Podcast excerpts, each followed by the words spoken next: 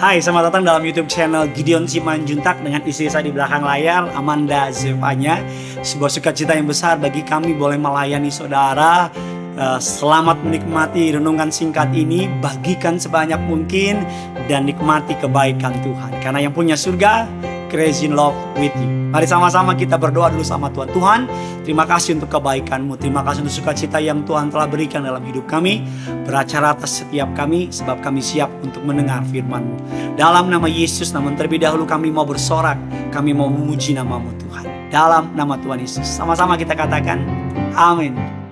Tuhan menetapkan langkah-langkah orang yang hidupnya berkenan kepadanya.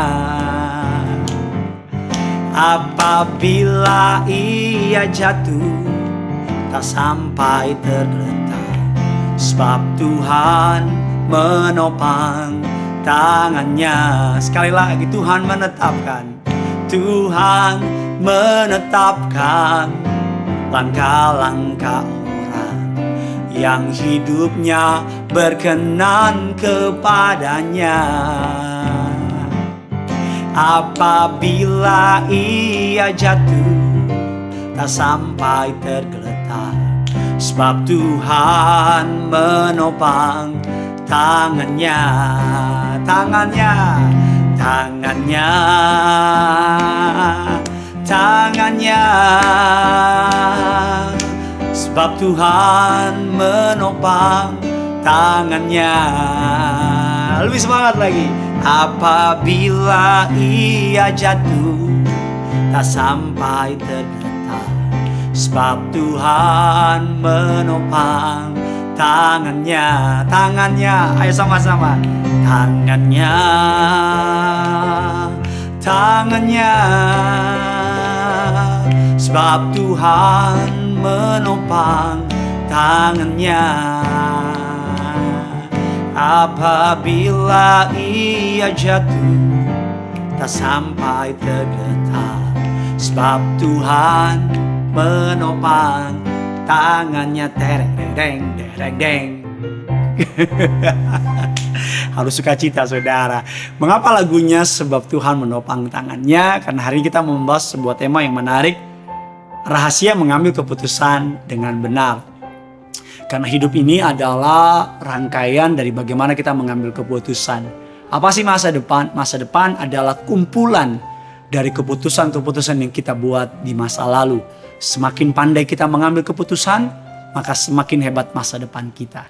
Hari ini kita akan membahas rahasia mengambil keputusan yang benar.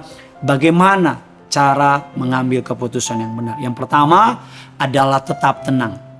Firman Allah mengatakan sebab beginilah firman Tuhan yang maha kudus Allah Israel. Dengan bertobat dan tinggal diam kamu akan diselamatkan. Dalam tinggal tenang dan percaya terletak kekuatanmu.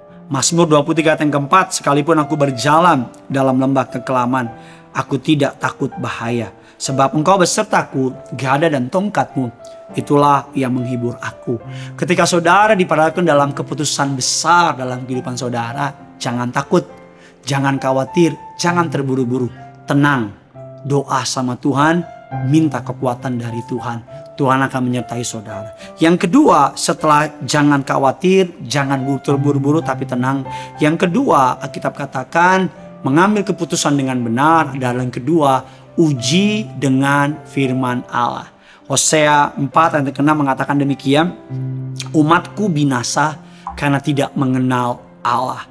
Artinya apa? Ketika saudara mengambil keputusan, uji dengan firman. Apa kata firman Tuhan? Apakah ini menyenangkan namanya? Apakah ini menyenangkan hati Tuhan? Apakah ini memuliakan namanya? Miliki motivasi untuk memuliakan namanya. Karena iblis bisa memakai keadaan untuk memutar keadaan kita, untuk membuat kita bingung. Ketika saudara dan saya mengerti firman, apakah keputusanmu selalas dengan firman? Apakah keputusanmu sesuai dengan firman? Apakah keputusanmu jelas di hadapan Tuhan? Karena firman Tuhan tidak tidak dapat dibohongi. Firman Allah dapat dengan jelas membedakan hitam dan putih sehingga tidak perlu lagi saudara kompromi terhadapnya. Misalnya Alkitab katakan dalam 2 Korintus 6 ayat yang ke-14 terang dan gelap tidak dapat bersatu. Dalam hal ini konteks pasangan hidup yang berbeda iman. Artinya kalau saudara punya untuk anak muda dekat sama seseorang dan diajak oleh orang itu untuk melangkah lebih serius lagi, lebih sungguh lagi, tenang, jangan buru-buru tapi Pak usia saya udah siap menikah, sabar. Dia membuat segala sesuatu indah pada waktunya. Yang kedua, Uji dengan firman. Artinya apa? Kalau firman Tuhan bilang dia anak Tuhan bukan. Kalau dia bukan anak Tuhan, dia percaya Yesus apa bukan? Kalau dia nggak percaya Yesus, dia cinta Tuhan apa tidak? Kalau dia tidak cinta Tuhan, artinya bukan dari Tuhan. Saya nggak peduli seganteng apa, secantik apa. Kalau bukan dari Tuhan, pasti akan menghancurkan saudara. Yang ketiga, yang terakhir, uji dengan doa.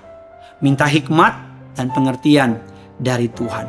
Alkitab mengatakan dalam Kolose 1 ayat yang ke-9, Sebab itu, sejak kami mendengarnya, kami tiada berhenti-henti berdoa untuk kamu.